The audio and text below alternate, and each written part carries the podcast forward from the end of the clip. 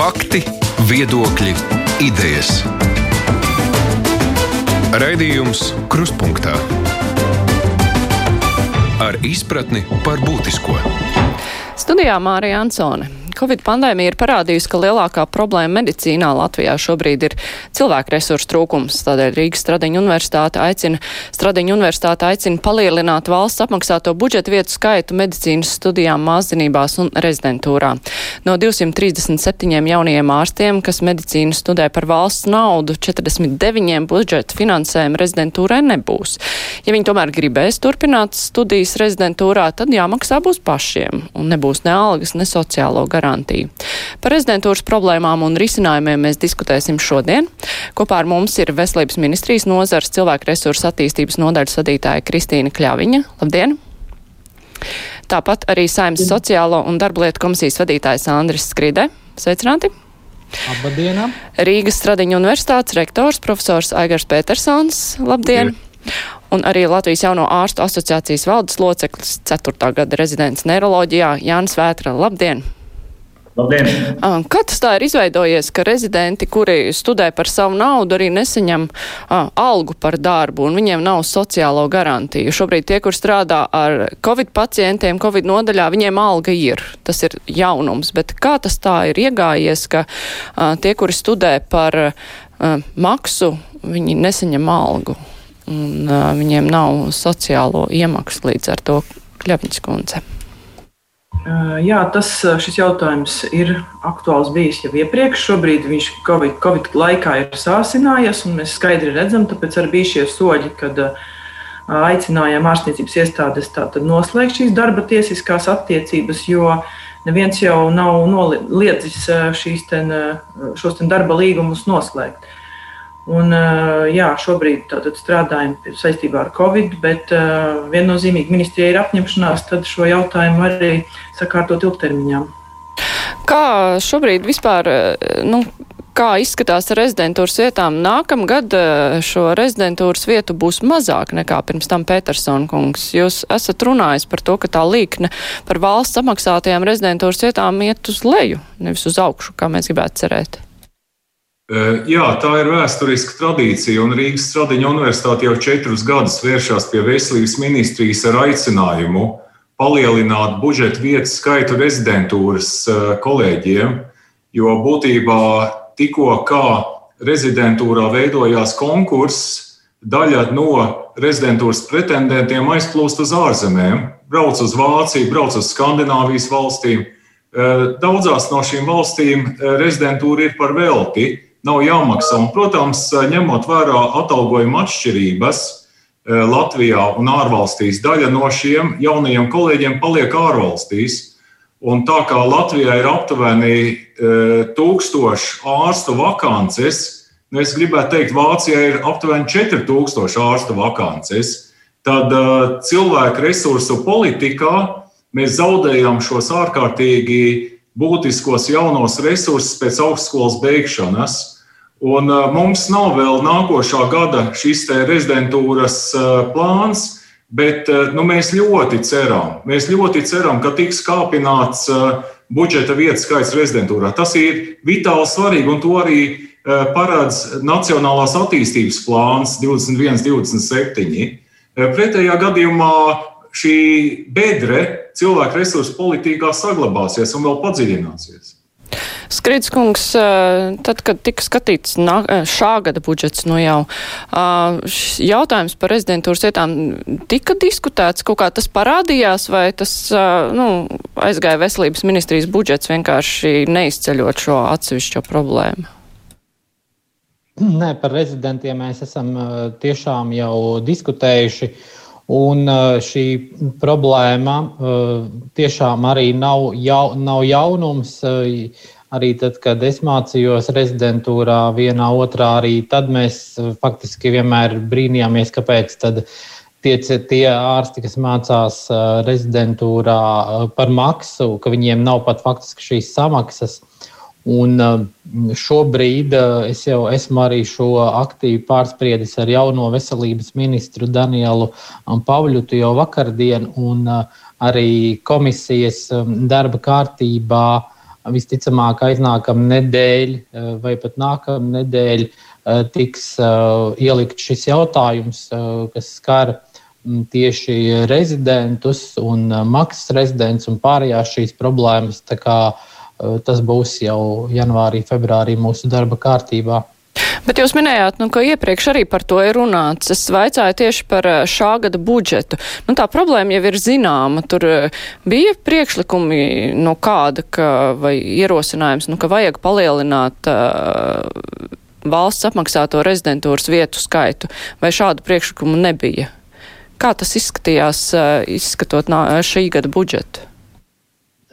Šī gada budžets uh, bija, kā jau jūs zināt, tendējās tieši uz uh, mediķu algu palielināšanu, bet uh, par rezidentiem ir spriests, bet šo, šajā, tā kā tieši šī gada budžetā tad, nav, nu, tā nauda nav atrasta tieši vairāk, vairāk rezidentūras vietā. Bet es domāju, ka Eh, mums ir jāizmanto šī brīža iespēja un jāskatās, ko mēs varam darīt ar tiem līdzekļiem, arī, kas nāk papildus Covidam, un mēs vēl varam veikt arī kādas izmaiņas. Tur nav jāgaida 2000. 22. gads mums kaut kādas no tām lietām ir jākārto jau šogad. Protams. Bet uh, jūs sakat, šī brīža iespēja, kas ir šī brīža iespēja, tas, ka tagad par rezidentiem sāk vairāk runāt, tas, ka uh, vairāk politiķus tas var ieinteresēt. Uh, kāpēc uh, ar Pavļotu kungu bija jārunā tagad, nevis, piemēram, pirms diviem mēnešiem uh, ar Viņķels kundzi par to pašu? Ir, protams, ka šobrīd tā ir vienkārši ļoti aktuāla tēma, arī pateicoties medijiem. Es jums saku, man personīgi tā šī problēma ir vienmēr bijusi zināma. Un, uh, vienkārši, lai kādu lietu kādreiz arī turpinātu, varbūt tā, un vēl vairāk būtiski kaut ko izmainīt, ir vajadzīgs kaut kāds tas svars. Un šobrīd mums ir tas, tā sniega bumba ir savēlusies, un mēs varam tiešām arī reāli fiziski kaut ko izdarīt. Jautājums jauno ārstu pārstāvim, vai jaunos ārstus uztrauc tikai tas, ka rezidentūras vietas ir daļai pašiem jāapmaksā, ka pietrūkšo vietu skaits, vai arī visā šajā sistēmā ir vēl kaut kas maināms? Jā, paldies. Protams, ka maksas rezidentu situācija ir pietiekami satraucoša, un tā ir bijusi jau visnotaļ sena problēma. Tā nekad gan nav izvirzījusies kā prioritāte, jo ir bijušas vairākas citas problēmas, kas tajā brīdī bijušas akūtākas. Un tā arī šī, līdz šim galvenais, kas tika risināts, bija šis algu jautājums. Bet man liekas, ka pati šī maksas rezidentūras iespēja, ka tāda vispār pastāv, ka tāda tiek piedāvāta, jau ir arī tā, kas izgaismo vairākas eh, šīs problēmas, kas eh, eh, attiecās uz to, kā šī veselības aprūpas sistēma skatās uz jauniem ārstiem un kāda ir bijusi tā personāla plānošana, personāla resursu plānošana līdz šim. Jo tas, ka nav salāgots, cik rezidentiem būs šīs budžeta vietas, tas ir bijis jau sen, bet tā alternatīva, kas tiek piedāvāta, tikko sešus gadus e, pabeigušam medicīnas studentam, viņš, kad viņš ir kļuvis par ārstu, ja nav rezidentūras vietas, e, vai arī, ja šis rezidents nevēlas uzņemties tās saistības, kuras šobrīd nosaka valsts par vairāku gadu atstrādi e, konkrētās slimnīcās, vai nevēlas riskēt ar to, ka no viņa tiks pieprasīta atmaksa, proti, šie viņa ieguldītie līdzekļi varētu tikt prasīti atdot valstī atpakaļ. Tie ir vairāki tūkstoši eiro Un eh, tad tas rezidents nonāk pie izvēles. Vai nu viņam eh, vispār neapgūt specialitāti, eh, braukt uz ārzemēm, kur viņš to var darīt par brīvu, vai arī nu, iet uz šo maksas rezidentūru. Bet maksas rezidentūra ir absolūts greizs koncepts, jo tas ir pilna laiks, laika darbs, par ko mēs runājam. Tas ir 8 stundas dienā, un tas ir darbs. Ja? Rezidentūra nav nekāda klīniskā prakse, vai kas tamlīdzīgs. Tas ir eh, darbs, kas notiek ar eh, pacientiem lielajās slimnīcās, un par to ir jāsaņem atalgojums. Bet, eh, ja konteksts vēl par to rezidentu vietu skaitu, tad, protams, mums ir arī jāņem vērā, ka mēs nevaram vienkārši uh, palielināt rezidentu vietu skaitu neskatoties uz klīnikām, kurām tad būs jārealizē šī rezidentūra. Jo tas ir arī būtisks aspekts, kas tad ir tas saturs. Ja? Vai ir pietiekama pacientu plūsma, vai ir pietiekami daudz manipulāciju, kas ir jāveic, kuras var piedāvāt šim rezidentam veikt. Tā kā mēs nevaram vienā klīnikā ielikt desmit rezidentūru, desmit rezidentus un teikt, ka nu, jūs te vienkārši pavadiet četrus gadus un jūs būsiet kvalitatīvi speciālisti beigās. Protams, tas jāskatās kontekstā ar to, ko katra klīnika var piedāvāt jaunajiem speciālistiem. Kā šobrīd vispār dalās uh, rezidentūras vietas starp Latvijas universitāti un Stradiņa universitāti Petersonkungs? Es nevaru pateikt konkrēti par visiem gadiem. Es zinu, ka aptuveni 70% Rīgas Stradiņa universitāte un aptuveni 20-30% Latvijas universitāte. Bet es vēlējos vienu tādu skaitli izgaismot, Eh, mums Rīgas Stradiņa universitātē šobrīd ir 106 maksas rezidenti. 106 maksas rezidenti 2021. gada janvārī. Un no šiem 106 maksas rezidentiem tikai 11 rezidenti maksā paši. Pārējiem kolēģiem 63 ārstniecības iestādes, kuras slēdz līgumu par konkrētā speciālista sagatavošanu. Un kā jau kolēģis eh, Jānis Vētra teica, eh, tas uzliek pienākumus kolēģim pēc rezidentūras beigšanas eh, atgriezties tajā ārstniecības iestādē, kas viņu, varētu teikt, finansē. Bet es arī domāju, ka tas koncepts ir pilnīgi greizs un nepieņemams Latvijas valstī, ka veselības ministrijai plānojot savus cilvēku resursus, vajadzētu paredzēt, attiecīgi, kurā reģionā ķirurgi nepieciešami, kurā reģionā ginekologi, kurā reģionā iespējams zobu ārsti un tā tālāk. Un, un šādā veidā, jau ņemot vērā arī reģiona intereses, ne tikai Rīgas intereses, ja, eh, arī plašāk iesaistot reģionālās ārstniecības iestādes rezidentu sagatavošanā, eh, veidot šo cilvēku resursu politiku, tad arī nebūs tā, ka nezinot reālo situāciju, nu, vienkārši nu, palielinām rezidentu vietu skaitu par 20. Eh, tie ir aptuveni cik, nu, 30 miljoni, es atvainojos, 3 miljoni eh, gadā. Un, bet nebūs, nebūs tā atdeve. Ir jābūt cilvēku resursu politikas kartei, un tā karte ir zināma būtībā. Viņa jāņem vērā. Jā, mums ir iespēja arī paklausīties uh, Somijas pieredzi, kā tur tiek organizētas uh, šīs studijas pēc uh, medicīnas pamata studijām. Mēs ierakstījām sarunu ar uh, pediatris Somijā Lindu Rautiainenu. Paklausamies. Somijā vispār pēc definīcijas visas uh, universitātes ir valsts apmaksātas. Uh, es neesmu dzirdējusi, ka uh, šeit būtu maksas, maksas studijas ne, nevienā pat ne. Uh, pat ne, nu, medicīnas jomā noteikti nav maksas studijas. Ir uh, iespējams kaut kādas privātās augstskolas galvaspilsētas reģionā, kas apmāca ārzemniekus, tās varētu būt, būt maksas studijas, bet uh, šīs valsts lielās universitātes, tā, tās visas ir valsts apmaksātas studijas, maksas studiju nav. Un kā notiek šī rezidentūras apmācība, nu, tā praktiskā apmācība jaunajiem ārstiem, vai tā sistēma ir tāda pati kā Latvijā, ka pēc pamatstudijām tad izvēlas rezidentūru un tad iet, un kuram nu pamaksu, kuram nepamaksu. Kā, kā tas notiek Somijā? Uh, nu, tā lielākā, manuprāt, būtiskākā atšķirība ir tā, ka um, šī pēcdiploma izglītība, to, ko mēs saucam par rezidentūru, uh, uh, ir tā, ka Somijā tā nav nekādā veidā sasaistīta ar uh, cilvēka uh, darbu un, un, un darba vietu un cilvēku spēju strādāt. Uh, ja, piemēram, Latvijā pēc uh, ārsta diploma saņemšanas uh, ārsts, nu, viņam principā nav, viņš iestājas rezidentūrā un tas ir viņa darbs, viņš nevar nekā savādāk strādāt, ja viņam nav šīs rezidentūras vietas. Uh, kamēr Somijā uh, ja tev ir ārsta diploms, tu vari strādāt. Jautājums ir par to, kur tu strādā un, un kādā līmenī tu strādā, bet cilvēks var strādāt. Lielākā daļa beidzēju pēc augstskolas dodas uz, uz veselības centriem, kur viņi strādā primārajā aprūpē, kā primārās aprūpes ārsti. Tam ir tāds tīri praktisks iemesls, jo visām, visās rezidentūras specialitātēs ir šis te minimālā prasība nostrādāt noteiktu mēnešu skaitu veselības centrā. Tas šobrīd laikam ir deviņi mēneši. Tātad, nu, tam ir jābūt nostrādātam jebkurā gadījumā, tāpēc ļoti daudz izvēlās tieši šo veselības centru un strādā. Nu, ir cilvēki, kas dodas arī uz slimnīcu. Bet šī rezidentūra, šī tālāka izglītība, tā ir zināmā mērā pilnīgi nu, ne tā kā atsevišķa lieta, bet tā, tas nav priekšnoteikums tam, lai, lai jaunais ārsts varētu strādāt. Par šo tālāku izglītību ir atbildīgas universitātes.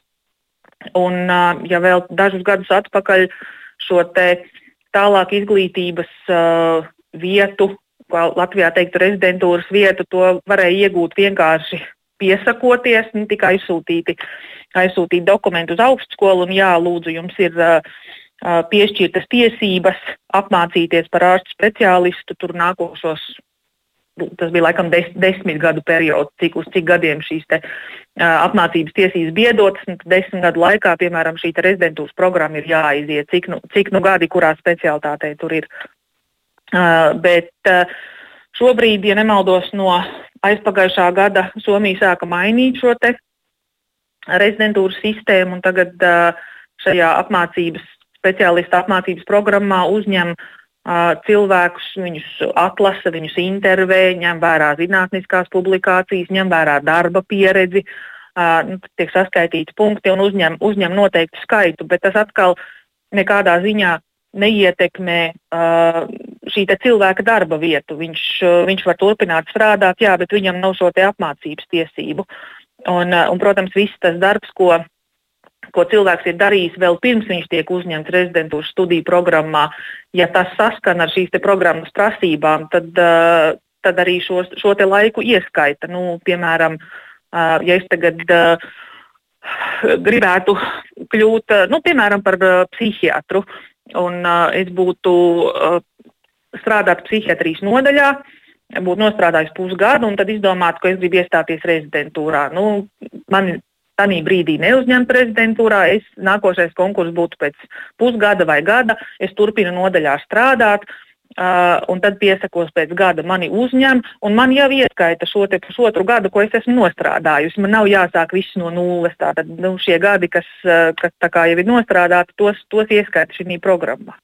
Bet vai ir iespējams mainīt specializāciju kaut kur pa vidu, vai par to ir kaut kādas sankcijas? Uh, Specialitāti var mainīt. Uh, par sankcijām es, uh, es neesmu dzirdējusi. Es esmu sastapusi diezgan daudz uh, jaunos ārstus, kas ir, uh, uh kas ir mainījuši uh, šo specialitāti. Nu, domas mainās, bet šeit ir atkal tas, tas punkts, kad liela daļa piesakās rezidentūrai jau tajā brīdī, kad uh, viņiem ir diezgan, uh, diezgan skaidra tā, tā, tā sava izvēle. Nu, viņš ir pēc uh, diploma saņemšanas, pēc ārsta diploma saņemšanas nostrādājis, teiksim, tur deviņus mēnešus veselības centrā, pusgadu kaut kur citur, vēl pusgadu kaut kur citur, pamēģina, nu, tā sakot, pamēģinājis tās specialitātes, kas viņam, kas viņu tā kā interesē, un, un, un tad viņš piesakās. Bet, protams, šo specialitāti var arī mainīt. Tas tad ir jautājums, un, un, un uz ko tad viņi maina, vai ieskaitīs to, ko, to, ko tu esi mācījies, vai jāsāk viss no nulles. Tas ir atkarīgs no specialitātes, atkarīgs no universitātes. Bet tādu sankciju, tā kā Latvijā, kad ir jāatmaksā kaut kāda mistiska līdzekļa par kaut ko, nē, tāda nav. Jā, tā bija Somijas pieredze, un tas, kas palika ārpus šī ieraksta, bija arī pilnīgā neizpratne par to, ka ir daļa rezidentūras studentu, kuri nesaņem par savu darbu samaksu. Uh, Jūs minējāt, Kļaviņas kundze, jūs minējāt, ka ārstniecības iestādes ir tās, kuras neslēdz līgumus un ka veselības ministrija ir aicinājusi slēgt šos līgumus. Bet uh, vai ārstniecības iestādes vienkārši tā var izmantot cilvēku darbu un par to nemaksāt? Tas vispār ir tiesiski likumīgi un kā tas tiek noformēts, jo katram darbam taču ir jābūt apmaksātam. Pirms es atbildu pavisam īsu komentāru par dzirdēto Somijas pieredzi, es gribētu precizēt, ka arī Latvijā profesijā ārsts pēc sešu gadu izglītības iegūšanas ir noteiktas tās kompetences, ko ārsts savā profesijā var, var, var, var darīt. Tieši tā, jā. Un, savukārt, specialitāte tad jau ir vajadzīgs šis certifikāts, ko iegūst pēc uh, rezidentūras. Tā kā, tā kā, tā kā tas ir, man liekas, pietiekoši arī svarīgs fakts. O, o, par, um, Par, par to ārstniec, kā es skaidroju par šo ārstniecību, mūsu aicinājumu ārstniecības iestādēm slēgt līgumus. Tas ir šobrīd, Covid situācijā, mēs īpaši uzrunājām, īpaši vērstām uzmanību, kad ir šāda iespēja, lai ārstniecības iestādes tiešām nekavē, nekavējās un to izmanto. Bet normāliem apstākļiem, ja tā var teikt, tad ārstniecības iestādēs šie maksas rezidenti ir kā stud, studiju studenti. Uh, un, un, un līdz ar to arī viņiem tā, tā praksa ir tāda iegājusies, ka viņiem nav tāda darba līguma, uz ko mēs eh, nu, nu, saprotam, ka tas, tas nav pareizi un, kā es teicu, ka eh, tā, tā situācija jāmaina. Bet, uh, Skrits kungs, vai jūs redzat mm. iespēju to risināt, uh, nu, ja, ja mums paliek šī maksas rezidentūra, to nu, risināt ne tikai ar aicinājumiem, bet nu, kaut kā piespiest uh, likumīgā veidā ārstniecības iestādes slēgt šos līgumus, jo droši vien uh, jūs visi vakar redzējāt panorāmā uh, sižetu par ārsti, kur ir saslimusi, ārsta rezidenti, kur ir saslimusi, uh, viņa nestrādā Covid nodaļā, bet uh, viņai nav nekādu sociālo garantiju tagad, viņai nav, viņa nevar paņemt slimības lapu, lai gan viņa ir saslimusi, acīm redzot, savā darba vietā. Jā, šis tiešām ir tāds nu, diezgan kliedzošs, manuprāt, tas, tas fakts. Un šeit ir arī slimnīcas val, valdēm un padomēm arī tagad jāuzņemas tomēr šī atbildība un, un nevar, nevar tā būt, ka faktiski tā kā jau tika minēts. Jā, Nacionālais veselības dienests, mēs visi maksājam uh, slimnīcām par, kaut, par pakalpojumiem, Un, uh, tajā, un ārsts tad uh, strādā faktiski, bet tā nauda kaut kur vienkārši paliek. Viņa izkūpta gaisā. Tā, tā, tā nevar būt, ka nav, nav šī līguma. Un nākamā nedēļa, trešdiena, es jums varu pateikt, jā, man ir jau darba kārtībā slimnīcu padomes. Uh, slimnīcu valdes un, un, protams, arī NVD un ministrijas, un mēs par šo jautājumu runāsim, un cik jau nu ir saimas saka, komisijas spēkos, un, un lūksim, kamēr vēl mums šī maksas rezidentūra ir, vismaz šo jautājumu sakārtot jau tagad, no februārī. Viss, nu, tur nevar būt tādu gadījumu, kas ārsts strādā un viņam nav līguma un nav sociālo garantiju. Tāda vispār, tā vispār nedrīkst būt ārstniecības iestādes nu, šo bezmaksas darba spēku, tad nu, cik plaši sanāk ir izmantojušas to, var kaut kā tā novērtēt vētras kungas.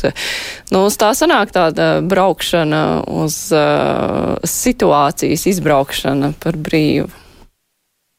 Es noteikti varētu piekrist, ka varbūt tā ir tāda izbraukšana uz situāciju, vismaz tāda pasīva nekā nedarīšana, jo re, kur darbinieki nāk, darbs, par ko valsts slimnīcām maksā naudu, proti, par pakalpojumiem. Tas tiek darīts, tas tiek izdarīts. Un, eh, un līdz šim nebija neviena tik kliedzoša gadījuma, kas eh, sabiedrībā tiktu pamanīts, mm, lai par to sāktu domāt. Es domāju, ka slimnīcās šeit ir viena lieta, kas, ko viņas ir sākušas jau darīt. Un tas ir tas pirmais plāksteris, kas ir tikai Covid apstākļos par šo kā saņemt kaut kādas piemaksas par to, ka, pat, ka šie studenti un rezidenti strādā ar covid pacientiem. Eh, bet tā jau nav rezidentūra. Tie ir tikai papildus darba pienākumi ar covid pacientiem. Un tālākajā gaitā tad ir jādomā, kādā veidā mēs varam nodrošināt sociālās, eh, sociālo aizsardzību, bet kopumā mums būtu jāiet prom no šīs maksas rezidentūras kā koncepta. Pētersona kungs, jūs minējāt 106 maksas rezidenti ir šā gada sākumā. Kā viņi ir sadalīti, kur viņi strādā, vai arī ar covid pacientiem strādā šie maksas rezidenti? Cik daudzi? Jā, ir daļa, kas strādā, protams, arī ar covid pacientiem, jo rezidenti arī atbilstoši noslēgtajiem līgumiem ar ārstniecības iestādēm Viņiem ir arī dežūras, un, protams, neviens nav pasargāts no tā, ka dežūras laikā eh, var tikt ievests Covid pacients un ir jāsniedz palīdzība. Es teiktu, tā, ka tā situācija ārstniecības iestādēs ir ļoti dažāda. Un pēc būtības ir jābūt uh, līgumam starp prezidentu un ārstniecības iestādi. Bet šajā līgumā viss tas, ko piemēram ārstniecības iestāde pieprasa no rezidenta, arī dežūras, arī papildus darbs ar covid pacientiem, tam ir jābūt atrunātam un par to ir jāsaņem atalgojums. Mums Rīgas Stradiņa universitāte nesen aptaujāja mūsu studējošos. Mums ir aptuveni 300 studējošie, starp viņiem ir arī ārvalstu studenti, kuri labprātīgi voluntē, kuri labprātīgi piedalās veselības aprūpē un cīnās arī ar covid pacientiem. Un es teiktu, tā, ka lielākajai daļai no viņiem ir arī līgums ar ārstniecības iestādi. Tātad ne tikai rezidentam, bet arī studentam. Un arī students tiek algots, viņš saņem atalgojumu par savu darbu. Un es domāju, ka tā ir nolaidība, ja, ja e, rezidentam nav līgums ar ārstniecības iestādi, e, un tur ir jābūt atrunātam, cik stundas, un tur ir jābūt atrunātam, kāds ir atalgojums. Un ja tas tā nenotiek, tad tā ir klaja nelikumība. Tā ir tiešām nu, jaunā kolēģa spēku, e, kā saka, izlietošana ārstniecības iestādes interesēs. Un tā tas nedrīkst būt. Likumdevējam jāparedz šāda iespēja.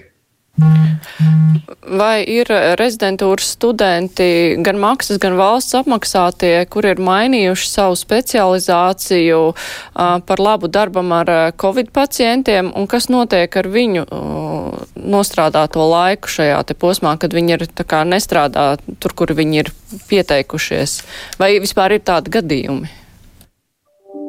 Nav tā, ka mainītu specializāciju. Specialitāte paliek tā pati bet ir vairāki kolēģi, kuri teikt, jau vairākus mēnešus strādā šajās Covid nodaļās, un viņiem e, neturpinās viņu iepriekšējā programmā. Proti, kā mēs sakām, rotāciju cikli vienā otrā nozarē, kas viņiem būtu jāapgūst. E, šobrīd no universitātēm ir tā e, skats tāds, ka mēģināt pielīdzināt un iekļaut rezidentūras laikā šo, šīs kompetences un pieredzi, Bet nu, no mūsu puses arī, protams, parādās jautājums, vai tomēr rezidentūras apmācības kvalitāte nekrītās. Jo nu, tie nav tie pacienti, kas būtu jāapgūst katras konkrētās specialitātes uh, rezidentam. Ja, un arī kaut kādas manipulācijas skaits iespējams vairs nav tik pieejams vai tik iespējams, jo pacientu plūsma ir mainījusies, vai arī šis rezidents vienkārši nav vairs tajā atbilstošajā nodaļā. Ja, tā kā tas eh, Covid situācija, protams, ir vairākas no tām rezidentūras specialitātēm būtiski iztraucējusi. Bet maksas rezidenti, kuri ir aizgājuši strādāt uz Covid nodaļām, tas, ka viņiem alga tiek maksāta, tas ir viens tāds bonus, vai viņiem ir vēl kāds bonus nu, par to, ka viņi ir aizgājuši tu, strādāt tur, jo nu, gal galā tā šobrīd ir tā uh, akūtākā vieta veselības aprūpē. Petersona kungs. Viņiem ir kaut kādas vēl papildus, jo viņi turpina maksāt par savām studijām. Nē, es, es domāju, pirmkārt, valsts eh, bonus ir ja, atbilstoši ministra kabineta pieņemtajai kārtībai ja, par papildus apmaksu darbā ar covid pacientiem. Eh, es domāju, ka liela daļa maksas rezidentiem, ja mēs runājam par maksas rezidentiem, tad būtībā vajadzētu runāt eh, nu, vairāk par tiem kolēģiem, kuri ir ar dažādiem līgumiem ar ārstniecības iestādēm. Un cik man ir zināms, tad lielākā daļa no šiem eh, rezidentiem ir arī devušies uz šīm eh, ārstniecības iestādēm. Un tur arī būtībā viņi piedalās šajā ārstniecības procesā. Protams, ka viņi ārstē covid pacientus. Un, protams, ka viņu darbs šobrīd ir nenovērtējami svarīgs. Ja, un, un, un, jo ir tiešām šī Covid situācija izgaismot šo cilvēku resursu krīzi ārstniecības iestādēs. E, jāsaka tā, ka e, šie 10, 11 kolēģi, e, tas aptuveni sastāv mums 10%, kuri maksā paši, kuri maksā paši. Arī viņi piedalās Covid darbā, bet mums nav precīzu datu, cik no viņiem ir šie līgumi ar ārstniecības iestādēm, cik nav. Diemžēl nav šāda informācija.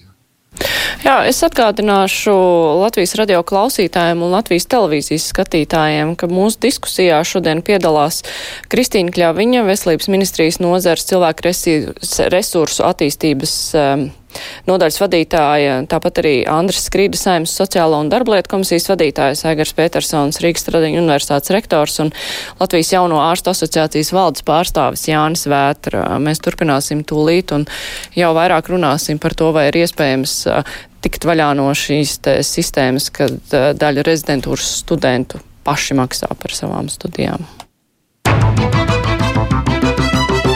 Raidījums Krustpunktā.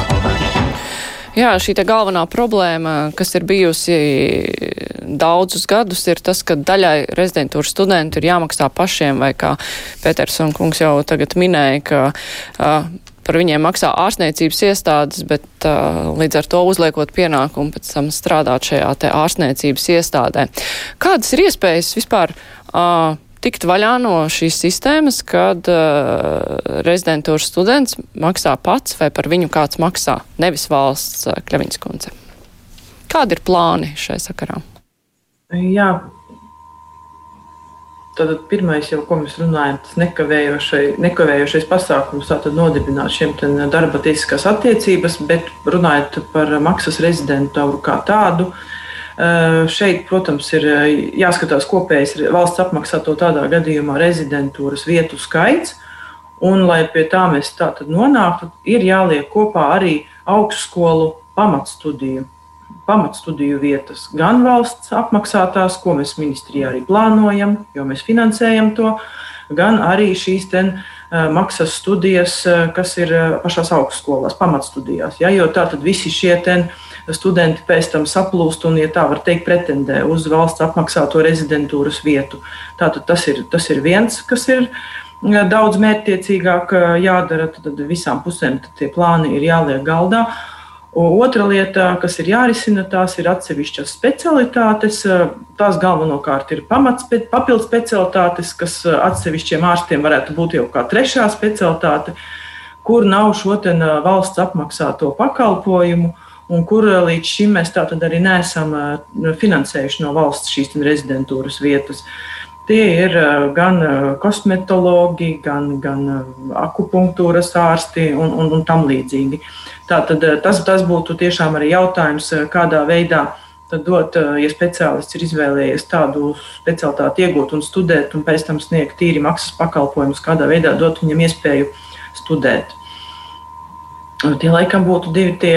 Un trešais, protams, palielinot un nodrošinot visiem šo nosacīti visiem šo studiju vietas, tas ir pieejamais valsts finansējums. Jo arī diskusijas pirmajā sadaļā, kad runāja par budžeta pieprasījumiem, Veselības ministrija ir pieprasījusi budžeta veidošanā šos papildus līdzekļus, kas galvenokārt ir bijuši, lai mēs arī varētu nosekt tā saucamos tekošos izdevumus, kas ir veidojušies esošajām budžeta vietām. Uh, Tā kā tas process eh, ir bijis, bet eh, viennozīmīgi svarīgs ir jautājums, kādas ir iespējas piesaistīt papildus valsts budžeta finanšu līdzekļus rezidentūras vietu skaita palielinājumam.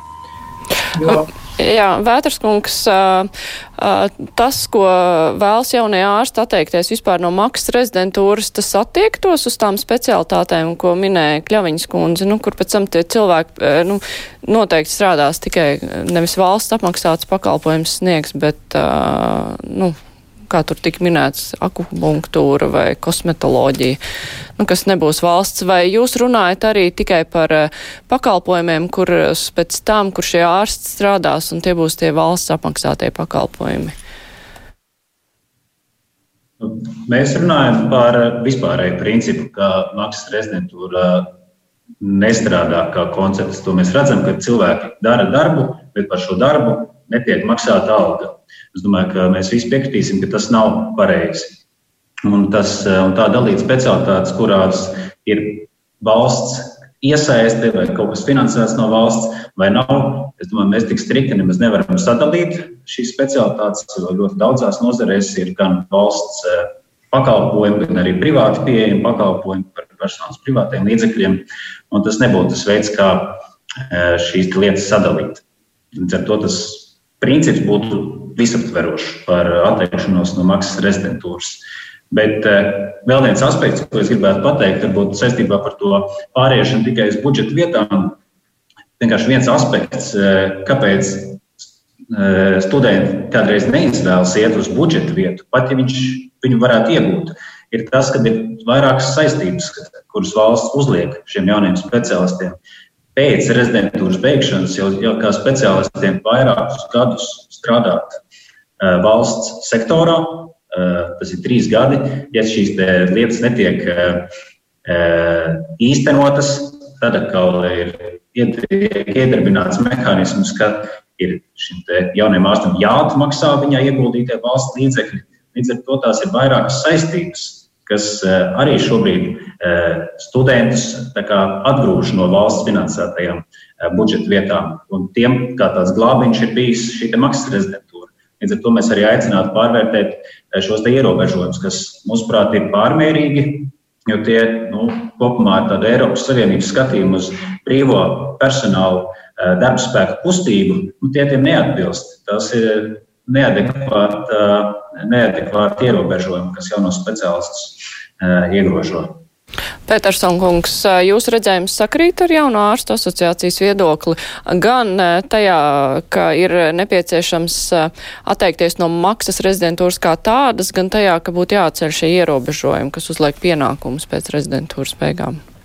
Jā, es pilnībā atbalstu mūsu jauno ārstu e, domu ka cilvēks ir brīvs savā izpausmēs, un darba tirgus ir saistīts eh, visā Eiropas Savienībā, un mēs esam Eiropas Savienības eh, dalība valsts.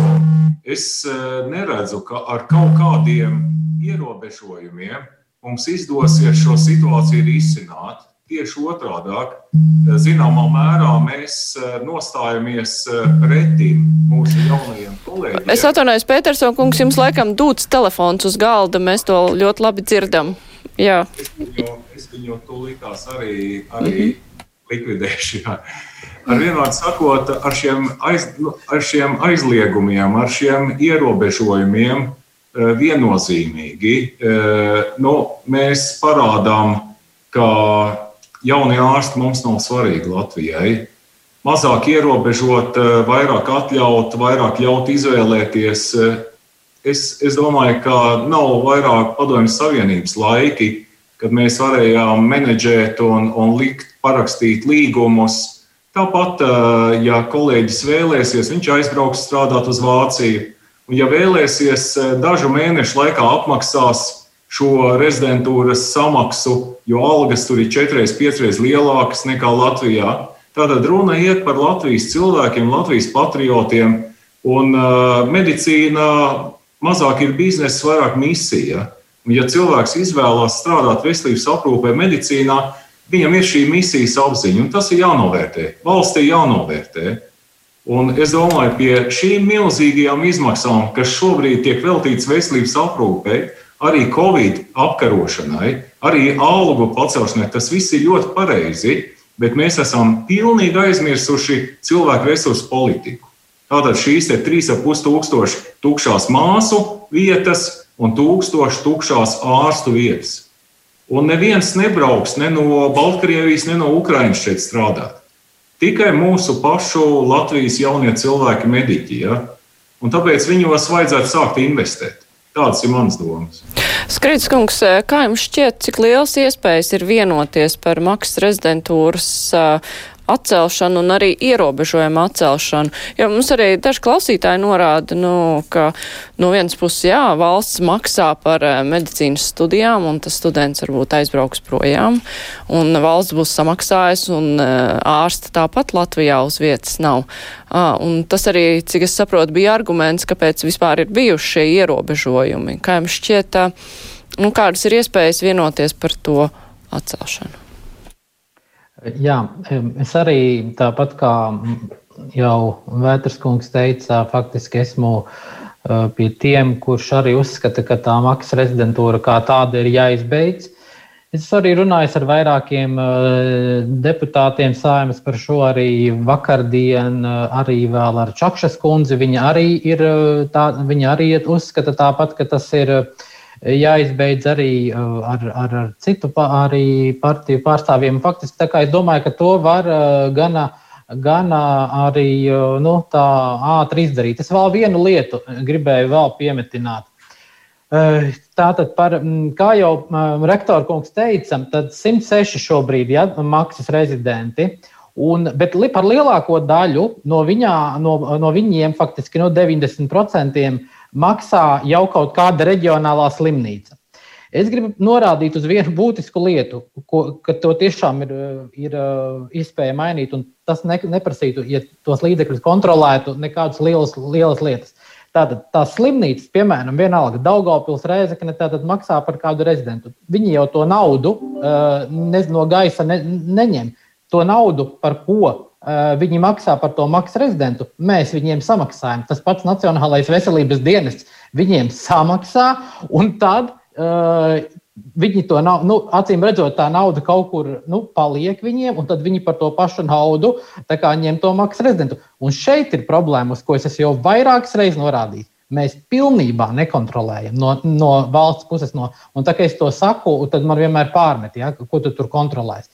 Nacionālais veselības dienas šobrīd vispār nekontrolē slimnīcu eh, naudu izlietojumu un arī tās jaunās padomes, kas tagad ir lielajās slimnīcās ieceltas, es uzskatu, ka šo gada, gada laikā neko vispār nav izdarījušas. Tāpēc uh, atkal to viņiem atgādināsim, uh, atgādināsim jau nākamnedēļ, un, uh, un būs vajadzīga tās naudas kontrole. Un faktiski, kas mums paliek pāri, ja 11, desmitā uh, daļa, kas, teiksim, uh, nu, kur, ka, kam nav tās uh, naudas. Tā kā, ja mēs to matemātiku sarēķinām mazliet no tās otras puses, Mēs redzam, ka pirmkārt mēs to izdarīt varam, maksas rezidentūru mēs izbeigt varam, un naudas līdzekļus, ja mēs viņus mākam apsaimniekot, mēs varam atrast arī tam. Paldies. Nu jā, acīm redzot, šīs reģiona slimnīcas tādā veidā mēģina risināt savu cilvēku resursu trūkumu. Jautājums veselības ministrijas pārstāv, vai, nu, ja mēs atsakamies no maksas rezidentūras, nu, cik efektīvi var saplānot, tad, lai šie rezidenti tad varētu strādāt visā Latvijā? Jo, nu, piespiest jau nevienu nevar braukt uz Daugavpilu, piemēram, ja negrib, bet eh, nu, kādas izredzes ir tad noklāt eh, ar šiem jauniem speciālistiem arī visas reģionālās iestādes? Tas ir izaicinājums ne tikai mums Latvijā, tas ir eh, reģionālais nodrošinājums, tas ir vairāk valstu, teikt, visu valstu tā, tā, tā, tā lieta, ar ko ir jātiek galā. Uh, Mēs arī esam dažādas iniciatīvas risinājuši. Mums ir fondu projekts, kas tātad, izmaksā šīs kompensācijas, ja pēc rezidentūras beigšanas jaunais speciālists ir sācis strādāt reģionā. Tad arī, protams, to jau fondu nosacījumi nosaka, kad ir jāstrādā šie pieci gadi izvēlētajā vietā. Tuvu simts personas tieši ārsti ir izmantojuši šo, šo iespēju. Par šiem ten, obligātajiem nosacījumiem par trīs gadu atstrādi, nu, tas lielā mērā, protams, arī ir darba devēju viedoklis, tad ārstniecības iestāžu. Un, nu, tā, tā, tās diskusijas tādas ir bijušas, un šobrīd mēs atcelt gluži šos ierosinājumus neredzam. Kāds svarīgs solis ir atalgojuma celšana, lai, lai, lai darbs pats par sevi valsts sektorā būtu pievilcīgāks un, un, un, un, un nu, vilinošāks. Un līdz ar to, tiklīdz ir sasniegta kaut kāda tāda pakāpe, tad jau arī uh, var domāt par šo ten, uh, iero, ierobežojumu no atcelšanu. Tas, tas būtu tāds uh, šobrīd. Pēteršau kungs, jūs minējāt to, ka būtu nepieciešams tā centralizēti plānot nu, to, lai būtu speciālisti visur, un tad uh, caur rezidentūru skatīties, lai uh, visas specialitātes visur ir noklātas. Jūs prāt, tas ir izdarāms? Izdarāms, protams, neviena gada laikā. Ja? Un pats galvenais pamatā, pats galvenais, ko veselības ministrija var organizēt, ir atalgojums, atalgojuma politika. Un varbūt dažādi koeficienti, kuri lieliski strādā dzīvē, ja, piemēram, mēs vēlamies, lai konkrēti ķirurgi ietu strādāt uz, uz eh, Latviju vai, piemēram, uz Kurzemi, ja, ar šādiem koeficientiem un pašvaldība no savas puses ar dažādām sociālām garantijām - bērndārs, skola, dzīvoklis, eh, un tā tālāk, un tā joprojām. Ja? Un, un, un kopā strādājot veselības ministrijā, un pašvaldība eh, var veidoties ļoti labs modelis. Nu, es zinu, ka šādā veidā Norvēģijā Zviedrijā tiek aizpildītas vietas hospitāļos, kas atrodas ziemeļos, valsts ziemeļos. Dubults atalgojums ja, un, un arī sociālās garantijas. Un tas strādā. Un, un, un, es domāju, ka daudzi jau arī tie, kuri ir noslēguši līgumus ar reģionālām iestādēm, viņiem turpat ir dzīves vieta, viņiem turpat varbūt ir ģimene, viņiem ir vecāki, viņiem varbūt dzīves biedrs arī jau tajā pašā vietā kaut kur ir atrasts darbu. Tā kā es domāju, ka arī sestā, sestais klīniskais gads palīdz atrast šo vietu rezidentūrā. Tas ir vēl viens tas jaunais, kas nāks, un es domāju, būs vieglāk pareizi izvēlēties šo rezidentūras gan specializāciju, gan vietu, kur viņš vēlētos strādāt pēc prezidentūras beigšanas. Vētras kungs, kas ir jauniem ārstiem tie motivatori strādāt nu, kaut kur reģionos, izvēlēties nevis lielās uh, universitāšu slimnīcas, bet kaut kur citur strādāt rezidentūrā? Jāteic, ka ir pietiekami daudz arī kolēģi, kas labprāt izvēlas turpināt darbu reģionā, bet, nu, teiksim tā, lai nosektu visas nepieciešamības, ar viņiem nepietiek. Bet tās pamatlietas jau šeit ir skārtas.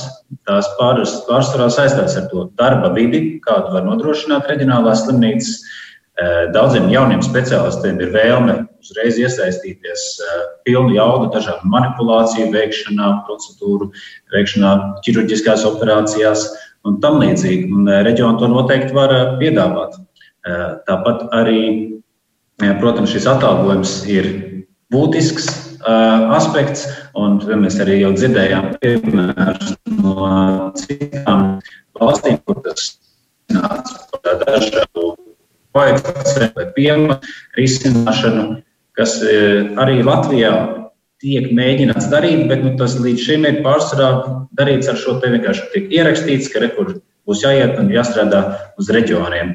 Nu, tas noteikti nav pareizs veids un var saprast darba devējus. Ja, ja viņam ieraksta, ka viņam pēc tik un tik gadiem būs darbinieks, protams, ka viņi ir eh, priecīgi. Kurš darba devējs tā nevēlētos? Ja, bet tas viss ir uz jaunā speciālista rēķina. Eh, viņš šādā veidā nu, ierobežojot, vienkārši nosūtot kaut kur. Tas nav pareizi. Tādu ceļu mums būtu jāpārtrauc iet un vairāk jāpievērš tiem motivējošiem faktoriem, un tie jāattīst. Droši vien atalgojuma sistēma ir motivators ne tikai doties kaut kur strādāt uz reģioniem, bet palikt vispār Latvijā.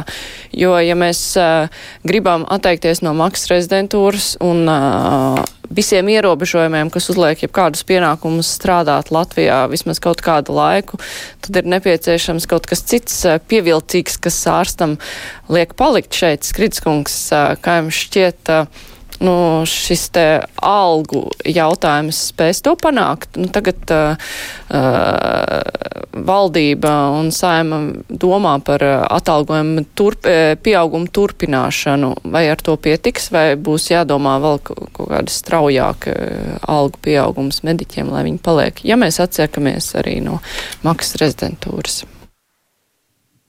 Skaidrs, ka tas algu pielikums, kas ir eh, nu, tas skaitlis, ka viņš ir, eh, ir liels, ja, ko, tā, ko no budžeta šobrīd izdalīt, bet eh, pilnīgi skaidrs, ka tā pamata bāzes likme ir bijusi tik zema un, protams, ka viņš nav pie, pietiekams. Nu, jau desmit reizes teicu, ja medmās šobrīd saņem nu, 4 eiro stundā, jā, vēl mīnus nodokļi, un tad tagad saņems 5 eiro, un tas jau nekas tāpat nav, un ārsts 6 un 7. Un, uh, tas ir viens. Otrs, protams, ir um, attieksme vispār arī pret jaunajiem ārstiem un, un arī reģionos. Šodien arī es diezgan ilgi uh, pārunāju uh, šo jautājumu arī ar Olsenas kundzi. Viņa ir arī, uh, viņa ir arī juriste. Um, tieši ša, ši, šai akterei, par kuru vakardien bija panorāmā, arī sižets, mēs arī diezgan daudz uh, runājām un mēģinājām apsvērt tās, kā tās problēmas un kā, kā vispār šos jautājumus risināt. Tā kā, eh, esam saimas, no saimas komisijas puses, mēs eh, šajā jautājumā iesaistīsimies un strādāsim visa gada garumā paralēli visiem citiem jautājumiem. Klausītāji lūdzu īpaši pajautāt, nu, ir par situāciju Daugalpils onkoloģijas slimnīcā, tur kopš vasaras vidus vairs nav palicis neviens ķīmijterapeits, vai tur var nosūtīt vismaz rezidentu. Tā tas notiek, ja tā tas nenotiek, ja trūks speciālists slimnīcai pašai ir jādomā. Nu, vēl arī ir tas aspekts, ka rezidentūra tomēr ir darbs, kas notiek certificēta ārsta uzraudzībā. Eh, tas, ka rezidenti tiktu kaut kur sūtīti, un tur nav neviena cita, kas šo procesu vada, pārauga, eh, nu, tas eh, es nedomāju, ka mēs esam tik dziļā krīzē šobrīd. Es ceru, es domāju, ka to mēs varam atrisināt. Un tas, protams, Dabas reģionālajai slimnīcai ir jācenšas piesaistīt šie speciālisti. Nu, jā, tas arī pacientu labā, tomēr, lai ir pieredzējis speciālists, nevis uh, tomēr pagaidām vēl students. Bet uh, noslēdzot diskusiju, nu, Skritskungs, kādas tad ir jūsu prognozes? Uh, nu, cik ilgā laikā mums izdosies tikt vaļā no šīs maksas rezidentūras un to pavadošajiem ierobežojumiem dažādiem? Jā. Uh, Ja mēs gada, teiksim, gada divu laikā tiktu no tā vaļā, tas būtu ļoti labi. Ir arī saku, jāsāk ar tiem vienkāršākajiem soļiem. Un kā piemēram, vēl viens ir tāds, ka, ja piemēram kāds ārsts ir, strā, ir sākumā mācījies, nu, piemēram, neiroloģijas rezidentūrā gadu nomācījies un pēc tam izmācījies, pēc tam pārgājis, piemēram, uz ģimenes ārstiem un to beidzis. Ja? un strādā par ģimenes ārstu, tad diezgan traka lieta, ka vi, tam, tam ārstam ir jāatmaksā tas gads, valstī atpakaļ, kur, kuru viņš to rezidentūru nav pabeidzis. Ja? Un tad uh, ir tādi arī gadījumi, tad šī, jāsāk ar šīm vienkāršajām lietām. Un, uh, un tad jātiek, protams, uh, jau tagad, jau ir februārī, ir jā, tiem maksas rezidentiem ir jābūt sociālajām garantijām, un tad gada divu laikā mums ir kopīgi jātiek no tās maksas rezidentūras vaļā. Jā, nu, katrā ziņā prognoze izklausās diezgan optimistiska. Uh, tajā skaitā arī runājot par uh, šo te gadījumu, jā, ka ir dzirdēti stāsti no mediķiem, ka viņiem ir diezgan pēc tam finansiālas pamatīgas saistības, ko daudz arī nesaprot, kā var būt, ka mainot specialitāti ir uh, pēc tam pašam par to jāmaksā. Lai gan beigās jau ieguvēji ir visi, ja ārsts ir atradis savu īsto specialitāti, nevis turpina darīt to, kas viņam nav paticis. Nu, skatīsimies, kā veiksies ar šo apņemšanos izpildīšanu. Droši vien, ka gadu pusotru var vēl gaidīt, ja ir cerības, eh, gai, ja ir cerības uz ko sagaidīt. Bet es teikšu paldies. Eh, šodien kopā ar mums bija Kristīna Kļaviņa no Veselības ministrijas, Andris Skrīdē, no saimnes deputāts, Aigars Petersons, Rīgas Stradiņa universitātes rektors un Jānis Vētra no Latvijas jauno ārstu asociācijas.